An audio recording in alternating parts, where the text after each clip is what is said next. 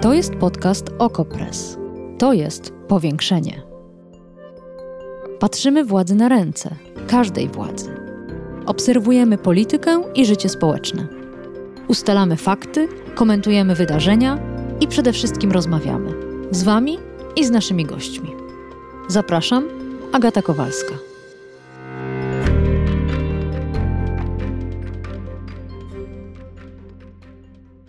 Привіт! I co dalej? Jak polska szkoła i klasa mogą przywitać uczennice i uczniów z Ukrainy? Czy jedyna dostępna w Polsce metoda to wrzucenie uchodźczych dzieci na głęboką wodę, na głęboką wodę polszczyzny i typowego szkolnego dnia? Co można zrobić inaczej? I czy można? O tym dzisiaj w powiększeniu. A naszym gościem jest pani Wioletta Krzyżanowska, dyrektorka Szkoły Podstawowej nr 323 imienia Polskich Olimpijczyków na Ursynowie w Warszawie. Dzień dobry pani dyrektor. Dzień dobry, witam panią, witam wszystkich słuchaczy.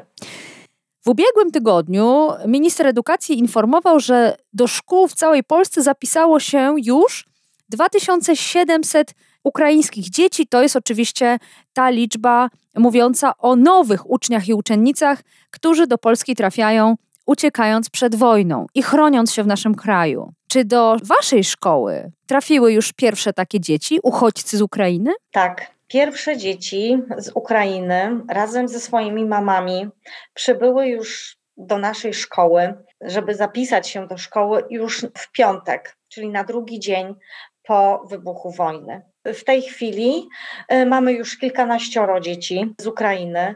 Każdego dnia spotykam się z dziećmi i z ich rodzicami, bo e, mamy szukają szkół e, dla swoich dzieci.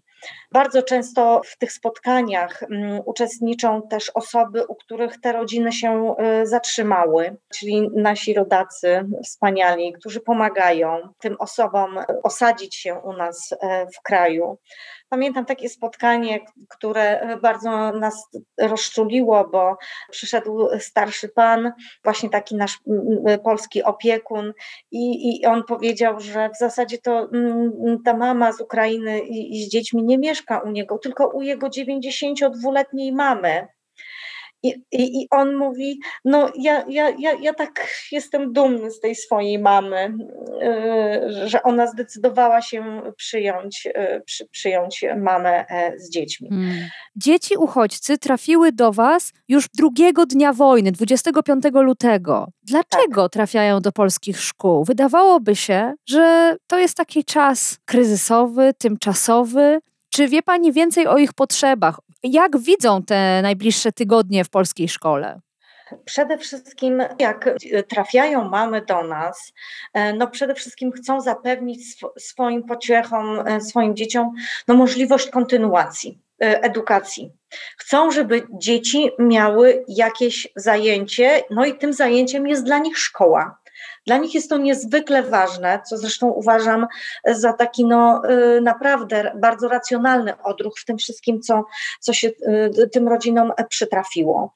Y, I u nas w szkole my przyjęliśmy taki model postępowania, że najpierw spotykam się ja z panią pionową, panią wicedyrektor, która jest od danego etapu edukacyjnego i rozmawiamy z, z mamami, obserwujemy dziecko, czy jest przestraszone, czy raczej się uśmiecha, czy może popłakuje, i, i, i wtedy już y, widzimy zakres tych ewentualnych potrzeb psychologicznych. Pytamy y, mamy, czy mają dzieci tornistry, y, czy mają zeszyty, coś ze sobą, takiego typowo szkolnego. Zazwyczaj odpowiedź brzmi, że nie. Mhm. I tutaj też uspokajamy mamy, że my się tym zajmiemy. My też zorganizujemy dla nich wyprawkę. Też organizujemy y, y, na tym spotkaniu, też informuję mamy, że zorganizujemy też bezpłatne obiady dla tych dzieci, żeby się nie musiały martwić.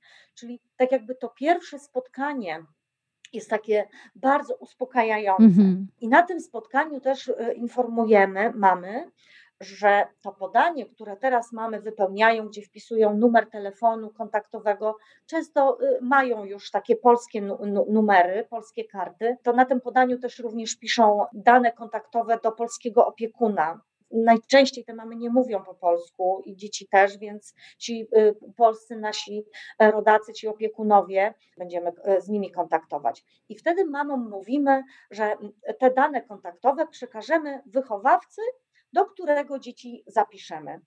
I następne spotkanie będzie już z wychowawcą i z panią pedagog. I kolejnego dnia wychowawca dzwoni do rodziny, zaprasza na spotkanie i się już umawiają na, na, konkretny dzień, konkretną godzinę, tak żeby to odpowiadało i rodzinie, i nauczycielowi, i pedagogowi, bo bardzo nam zależy na tym, żeby na tych wszystkich spotkaniach był obecny pedagog, bo wtedy już pedagog, tak jakby poprzez obserwację i rozmowę e, z, z, z mamą i z dziećmi, już jest w stanie wyczuć e, nastrój, w jakim dziecko przychodzi. Mhm. I wtedy już mama może poznać y, nie tylko wychowawcę, ale też pedagoga, że, mm, że jeśli coś się będzie działo, coś będzie niepokojące, to będzie wiedziała, do kogo zwrócić się o, o pomoc. I wtedy już podczas tego spotkania zapada już ostateczna decyzja, kiedy dziecko do szkoły przyjdzie. No bo to też w zależności od tego, czy to jest koniec tygodnia, czy początek tygodnia, no to już takie technikalia można powiedzieć. Ale wtedy już na tym spotkaniu z wychowawcą i z pedagogiem mama i dziecko, które zapisujemy, już trochę wiedzą, o sobie trochę więcej wiemy. Mhm. I następnego dnia, jak dziecko przychodzi do szkoły, to my wtedy już mamy dla niego przygotowany też tornister, taki plecak i tutaj tą wyprawkę i to, co jest w tym plecaku, to już y, organizują rodzice z mojej szkoły. Oni już wyasygnowali taki fundusz y, i z tego funduszu kupują y, dzieciom to, co jest też adekwatne do wieku, no bo wiadomo, inny plecak będzie chciała mieć dziewczynka w pierwszej, w drugiej klasie, a inny plecak chłopiec w, siód w siódmej klasie. Więc przekazujemy te takie informacje rodzicom. W tym czasie właśnie mama, przewodnicząca Rady Szkoły, szkoły. E, kupuje to, to, to wszystko, choć już nie jest łatwo kupić rzeczy do szkoły, bo, bo, bo wszyscy tego potrzebują, ale jakoś się udaje. No i wtedy, jak dziecko już przychodzi do nas do szkoły, to dostaje tornister, e, taki plecak e, z wyposażeniem i, i obiad. No i zaczynamy. Mhm.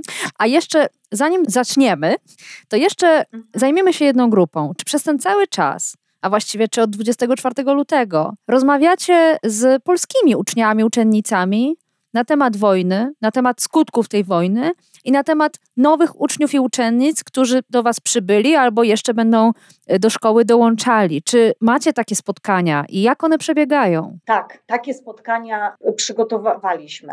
Nasza szkolna, pani psycholog, e, przygotowała specjalny webinar dla nauczycieli i rodziców razem. To był taki webinar wspólnie, gdzie i rodzice, i nauczyciele mogli uczestniczyć, o tym, jak rozmawiać z naszymi polskimi dziećmi o wojnie i o tym, co, y, co, co się dzieje. To było już czwartego dnia, jak ta, y, y, to było we wtorek zaraz w następnym tygodniu. I tak już mogliśmy wspólnie sobie na ten temat e, porozmawiać, co robić, a czego nie robić, jakie pytania mogą zadawać. Pamięta Pani, czego absolutnie nie robić? Na pewno nie epatować wojną i nie doprowadzać do takiej sytuacji, żeby e, cały czas leciały w tle wiadomości, e, informacje na temat działań wojennych. Tego absolutnie nie powinniśmy robić, za wszelką cenę unikać, a jeśli już chcemy coś obejrzeć, to bardzo krótko. I przede wszystkim nie zostawiać dzieci bez odpowiedzi na pytania, bo dzieci będą o to pytać, o, o wojnę, o to, że, że będą też ci nowi koledzy, koleżanki, na pewno nie zostawiać dzieci bez odpowiedzi, a udzielać takiej odpowiedzi adekwatnej do wieku i raczej tak uspokajać. Dzieciom w młodszym wieku to bardzo się podoba to hasło NATO Czyli mówić o tym, że jesteśmy w takiej przyjaźni z innymi krajami, należymy do takiej wspólnoty, co się nazywa NATO, i to nas obroni. Ze starszymi dziećmi, młodzieżą już, no to młodzież też już ma inną wiedzę, bardziej szerszą na ten temat, ale rozmawiać faktograficznie i na pewno nie wprowadzać żadnej paniki, tylko na spokojnie. I y, jeszcze wrócę do tego wątku, kiedy dzieci do nas już bezpośrednio przychodzą, kiedy już y, informujemy wychowawcę o tym, że do danej klasy konkretnej przyjdzie dziecko, to też wychowawca e, potrzebuje jednego dnia na to, żeby klasę przygotować do tego. I wtedy rozmawia z dziećmi, że będzie taki uczeń, jak możemy go przyjąć, co możemy zrobić dla niego, jak możemy się przedstawić my tak przyjemnie, żeby on poczuł się fajnie. I taka wspólna rozmowa o tym, co my możemy zrobić dla, dla dzieci z Ukrainy, jak możemy też pomóc uchodźcom w tej strasznie trudnej sytuacji, to pozwala też dzieciom tak się zidentyfikować mhm. i też y, poczuć się no, też takimi bohaterami na, na, na, na tego, że pomagamy drugiemu człowiekowi. Mhm. Szkoła podstawowa nr 323 imienia polskich olimpijczyków na Ursynowie w Warszawie jest szkołą dwujęzyczną, ale nie jest szkołą polsko-ukraińską, tylko uczy w języku polskim i angielskim. Jak sobie radzicie? Jak radzą sobie uczniowie, nauczyciele z uczniami, którzy posługują się językiem nie polskim, nie angielskim, tylko ukraińskim? Na razie radzimy sobie tak, jak potrafimy, czyli korzystając e, z narzędzi, z aplikacji, translatorów e, w telefonie. Też warto powiedzieć, że my w szkole już wcześniej mieliśmy dzieci ukraińskie, e, od września przyjęte i nauczyciele mają już wypracowane pewne swoje metody i w pierwszej kolejności zapisujemy dzieci do tych klas, gdzie już były dzieci ukraińskie. I one pomagają? Tak, one pomagają na, na, na, tym takim e, początkowym etapie. Nawet sama byłam świadkiem e, w jednej z klas, jak e, no, nowy chłopczyk, kolega, który właśnie posługiwał się językiem rosyjskim, był tu od, od, od dłuższego czasu, no, pomagał i tłumaczył temu koledze w drugiej klasie podstawowej szkoły to, co się działo akurat na lekcji. Wiadomo, początki będą trudne, dlatego że my, y, no to, że my jesteśmy szkołą dwujęzyczną i uczymy na niektórych przedmiotach y, w języku angielskim, no to, mm, to się mogło tylko w jednym przypadku przydać, a mianowicie e, w, w, w piątek miałam taką sytuację, gdzie właśnie przyszedł chłopiec, który w ukraińskim systemie edukacji był w ósmej klasie. Przyszedł z mamą i ze, swoim młodszym bratem nie, i nie mieli nikogo do pomocy, żeby y, pomóc nam y, w, w tłumaczeniu tej rozmowy. No i zaczę, zaczęłam z tym chłopcem po prostu rozmawiać po angielsku, zadając pytanie, no, do you speak English? I tak powoli, powoli z tym chłopcem do, dogadałam się z nim na tyle, żeby on wiedział, że może być przyjęty, że może jego mama podjąć decyzję o tym, że może być przyjęty do klasy siódmej, bo do klasy ósmej w szkole na, naszej obecnej no tak. polskiej no to jest trudno, żeby teraz przyjąć dziecko, bo za dwa miesiące egzamin. Jak młodzież to słyszy, to jest ukraińska, to jest przerażona tym. No pewnie. Więc, e, tak, więc przyjmujemy do klasy siódmej, a ponieważ świetnie sobie radził po angielsku, e, rozmawiając, zaproponowałam mu przyjęcie do klasy dwujęzycznej z elementami tego języka e, angielskiego, tym bardziej, że jeszcze uczył się dodatkowo e, na Ukrainie e, niemieckiego. Także tu akurat pomogło, hmm. pomogła klasa dwujęzyczna temu chłopcu, bo co jest ważne, ja się spotykam z każdą z tych rodzin, bo każda sytuacja, każde dziecko i każda sytuacja rodziny jest inna i, ch i chcemy porozmawiać z rodzicami, z mamami, jak, jakie jest dziecko, jakie są jego, e, jego e, potrzeby. Na razie radzimy sobie tak, jak e, potrafimy, no, korzystając z tych e, aplikacji tłumaczeniowych. No i to, co jest dla nas najważniejsze na tym etapie, to przede wszystkim zabezpieczyć bezpieczeństwo, tak jakby, no, może to tak zbitka słów nie, nie, nie fajne, ale przede wszystkim chcemy, żeby dzieci poczuły się bezpieczne w szkole w sensie psychologicznym. -hmm. Żeby to jest dla nas najważniejsze. Oczywiście one chcą się uczyć, ale nauka w tym momencie troszeczkę schodzi na dalszy plan. -hmm. My chcemy, żeby te dzieci wiedziały, że tutaj są przyjęte z pełną otwartością serc, gościnnie, poczuły się tu dobrze, y, poznały nowych kolegów, poznały nowe koleżanki, y, y, chociaż wzięły do ręki te podręczniki, bo przecież dostają podręczniki, ale polskie, nie, nie w języku ukraińskim i te pierwsze ich dni to nam zależy na tym, żeby one, e, one się próbowały odnaleźć e, w tym, w tym nowym środowisku. Mm. Mamy trudności, To nie jest tak, że ich nie ma, bo przecież y, nie mamy tyle pomocy nauczyciela, żeby w każdej klasie y, była osoba, która potrafiła y, mówić po, po, po rosyjsku bądź po ukraińsku. No mamy tylko jedną panią woźną, która mówi po ukraińsku, no i ona nam pomaga w tych rozmowach takich pierwszych, tłumaczy. No proszę. Ale już na lekcjach tak, ale na lekcjach to już nauczyciele radzą sobie sami. Wielu nauczycieli pamięta rosyjski jeszcze ze swojej szkoły, więc radzą sobie. Hmm. Ale to jest y, wspaniałe. Pani dyrektor, pani pewnie nawet tego nie zauważa, ale pani bardzo dużo mówi o pomocy uczniom, pomocy matkom uczniów, pomocy nauczycielom. A ani razu nie powiedziała pani o tym, że szkoła potrzebuje pomocy. Więc ja o to zapytam. E, gdyby pani mogła teraz przedstawić taką listę życzeń, trzech przynajmniej rzeczy, które by wam ułatwiły pracę, to co to by było? Bo y, Minister Czarnek zapewnia, że szkoły dostaną wsparcie, ale nie wiemy do końca, jakie to miałoby być wsparcie. Czego pani by najbardziej sobie życzyła? Najbardziej bym chciała mieć taką pewność, że będą środki finansowe na zatrudnianie pomocy nauczyciela do klas, w których są e, dzieci mówiące językiem e, ukraińskim. Taka osoba no, nie ma statusu nauczyciela, jest to pomoc nauczyciela, czyli jest e, zatrudniona z kodeksu pracy i na pewno nie musi mieć przygotowania pedagogicznego. To jest najważniejsze, czyli mhm. po prostu chodzi o to tylko, żeby ta osoba potrafiła nam przetłumaczyć pewne rzeczy z polskiego na ukraiński bądź rosyjski.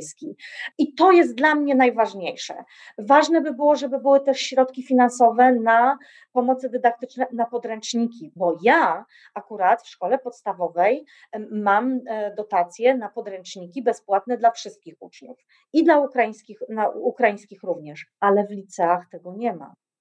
W liceach e, jedna z moich koleżanek na, na chwilę obecną potrzebuje e, książki dla kilkunastu dzieci, które przyjęła do liceum i potrzebuje 15 tysięcy na podręczniki, bo podręczniki do liceum są e, drogie. Więc mhm. my potrzebujemy, dyrektorzy szkół ponadpodstawowych będą potrzebować pieniędzy na te podręczniki. No bo no, trudno sobie, chociażby, żeby wypożyczyć tej młodzieży. Mhm prawda? Myślę, że na pewno to, co by potrzebne było dzieciom ukraińskim, to to, żeby jednak miały dostępu do, dostęp do ukraińskiego systemu edukacji u nas w Polsce, zwłaszcza dla tych dzieci, które tam kończyły pewien etap edukacyjny. Mam tu na myśli te dzieci z Ukrainy, które tam kończyły ichniejsze tak zwane gimnazjum, czyli dziewiątą klasę dla tych dzieci ja uważam, że powinnyśmy jednak mieć takie stworzone e, możliwości, żeby te dzieci mogły skończyć ten swój ukraiński system mm-hmm. na, na, na, tym e, etapie, bo mm-hmm. bardzo dużo mówi się o pomocy małym dzieciom, ale mam, odnoszę takie wrażenie, że mało mówimy o młodzieży bo, bo młodzież sobie zawsze jakoś poradzi. Musiała sobie poradzić z pandemią, poradzić ze zdalnymi lekcjami, poradzić ze strajkiem nauczycieli, to i poradzi sobie ukraińska młodzież z brakiem podręczników i z zupełnie nowym alfabetem. Oczywiście trochę ironizuję. Pani dyrektor, jeszcze na koniec, a może ten cały wysiłek skupia się nie tam, gdzie powinien? Może powinny powstać zupełnie osobne oddziały przygotowawcze, jakieś specjalne grupy, może nawet nie klasy, gdzie wszystkie dzieci, które przybywają teraz do nas z Ukrainy, byłyby zbierane i tam uczyłyby się polskiego od podstaw, a jednocześnie może kontynuowały naukę po ukraińsku, tak, żeby nie stracić e, kontaktu ze swoją edukacją. Pani redaktor, myślę, że ma Pani na myśli tworzenie tych tak zwanych oddziałów przygotowawczych. Tak, one mają taką okropną nazwę, dlatego ja jej nie użyłam. Wiem, wiem. tak, to prawda. Oddział, mhm. taka nazwa może mało przyjazna ale tam dzieci uczą się program, zgodnie z programami nauczania polskimi. Nie uczą się tam y, zgodnie z ukraińskimi programami nauczania. Poza tym taki oddział przygotowawczy przede wszystkim musi mieć, i tu już jest taki warunek, nauczyciela języka rosyjskiego bądź ukraińskiego, czyli tu już musi być nauczyciel. Do tego, żeby tłumaczył tym dzieciom, tłumaczył dzieciom matematykę, czy geografię, czy fizykę, czy chemię, Czyli to, co mówi po polsku nauczyciel, on mógł przetłumaczyć. Mm-hmm. To nie jest takie proste znaleźć teraz takiego nauczyciela. Mm-hmm. Ja na przykład gotowa jestem utworzyć oddział przygotowawczy dla, e, dla dzieci, ale dopiero od września, bo muszę najpierw znaleźć osobę, która do, do pracy. W tej chwili my w polskich szkołach borykamy się z bardzo, zwłaszcza w dużych miastach, borykamy się z wieloma problemami kadrowymi. My generalnie nie mamy y, nauczycieli tyle, żeby mm, można było jeszcze rozdysponować i da, przekazać im dodatkowe zadania. A oczywiście pani nie może zatrudnić nauczycielek z Ukrainy, które właśnie teraz uciekły do Polski i poszukują pracy, bo są... Tak, to mhm. do końca. Mhm. Dlatego, że do mnie też się zgłosiły takie Aha. pytanie bardzo dobrze przygotowane, ale one nie znają w ogóle polskiego, więc wypełnienie chociażby dokumentacji związanej, bo to nie jest tylko tak, że nauczyciel uczy pod tablicą, też komunikuje się z rodzicami uczniów, e, wypełnia stosowną dokumentację, musi przeczytać moje zarządzenia, zapoznać się e, z pewnymi dokumentami. No i dopóki te panie chociaż w takim podstawowym zakresie nie będą znały języka polskiego, będzie to niemożliwe. Takich z powodów po prostu czysto organizacyjno-administracyjnych. Nawet pamiętam też taką rozmowę z, z mamami, które przyszły i zaraz po rozmowie o dzieciach zapytały się, czy jest jakaś praca w Polsce, bo one chcą pracować. E, I oczywiście ja akurat mam, miałam wakaty na stanowisku e, pań e, do sprzątania, no tylko taką mogłam paniom na razie za, zaproponować. One się popłakały z radości, że, że będą, że jest jakaś szansa na pracę, bo te mamy zdają sobie sprawę z tego, że gdzieś będą chciały pracować, no, gdzieś móc utrzymać, utrzymać się. No ale niestety teraz cięcia, jakie mamy od 1 września w, w, w mieście, bardzo duże, no niestety no, nawet dotykają już ten personel pomocniczy i nie będzie możliwości już na dłuższą metę takiej, takiej pomocy też tym paniom za, za, za, zaoferować. Ale na pewno chcą pracować i są gotowe nawet do tego, żeby uczyć się polskiego, bo no, niektóre z, z tych mam mają świadomość tego, że to może potrwać dłużej, ale miałam też i takie spotkanie, gdzie mama powiedziała, że my tylko na chwilę, my tylko na trochę. Hmm. Więc ta pomoc psychologiczno-pedagogiczna jest najważniejsza w tym momencie. Zupełnie już na koniec, bo niestety pojawia się dużo takich głosów, że opieka, pomoc dla uchodźców i uchodźczyń z Ukrainy oznacza równolegle odbieranie opieki i pomocy Polakom, Polkom. Y, nie mówię tylko o dzieciach, mówię też o dorosłych, którzy boją się, że coś nam się odbierze, skoro tamtym trzeba coś dać. Czy dzieci w pani szkole, polskie dzieci, mają czegoś mniej? Albo muszą się zgodzić na mhm. pewnego rodzaju redukcję ze względu na pomoc, którą pani placówka próbuje świadczyć dzieciom z Ukrainy? To trudny temat pani poruszyła. Moje dzieci w mojej szkole nie doświadczają takich trudności aczkolwiek to jest e, temat, który dopiero się pojawi. Podam przykład. E, do tej pory w polskiej szkole był limit w zakresie przyjmowania e, dzieci do klas 1-3 do 25 mhm. uczniów. On tam mógł być ewentualnie zwiększony o dwoje, ale to się rzadko zdarzało, najczęściej do 25 uczniów. I teraz załóżmy taką hipotetyczną sytuację, że klasa pierwsza bądź druga miała 17 uczniów bądź 19. I nagle pojawiają się dzieci z Ukrainy i obecnie przepisy pozwalają, obecnie wprowadzone, pozwalają przyjąć do 29 uczniów. I może zdarzyć się taka sytuacja, że w klasie pojawi się nagle tak duża liczba dzieci. 10 nowych osób. Tak, tak. To będzie wymagało bardzo dużego zaangażowania przede wszystkim nauczyciela i przede wszystkim zatrudnienia tej osoby, o której mówiłam, pomocy nauczyciela, do tłumaczenia, do wsparcia. Stąd też będą potrzebne no, środki finansowe na to, żeby tą pomoc temu nauczycielowi polskiemu zapewnić jak najlepiej, jak najlepiej żeby on poradził sobie z, z tym zadaniem. U mnie w szkole na razie nie ma sytuacji żadnej, na żadnym e, w aspekcie funkcjonowania szkoły, gdzie moje dzieci, że tak powiem, polskie, miałyby coś odebrane miałoby coś odebrane. Tutaj takiej sytuacji na razie nie mam, ale rodzice pytają, tak? czy będą zwiększone, tak, mhm. tak, miałam, czy będzie więcej dzieci w klasach. Pytają. Wioletta Krzyżanowska, dyrektorka Szkoły Podstawowej nr 323 imienia Polskich Olimpijczyków na Ursynowie w Warszawie, była Państwa i moim gościem. Bardzo dziękuję Pani Dyrektor za tę całą opowieść. Dziękuję pięknie, pozdrawiam serdecznie Panią i wszystkich słuchaczy.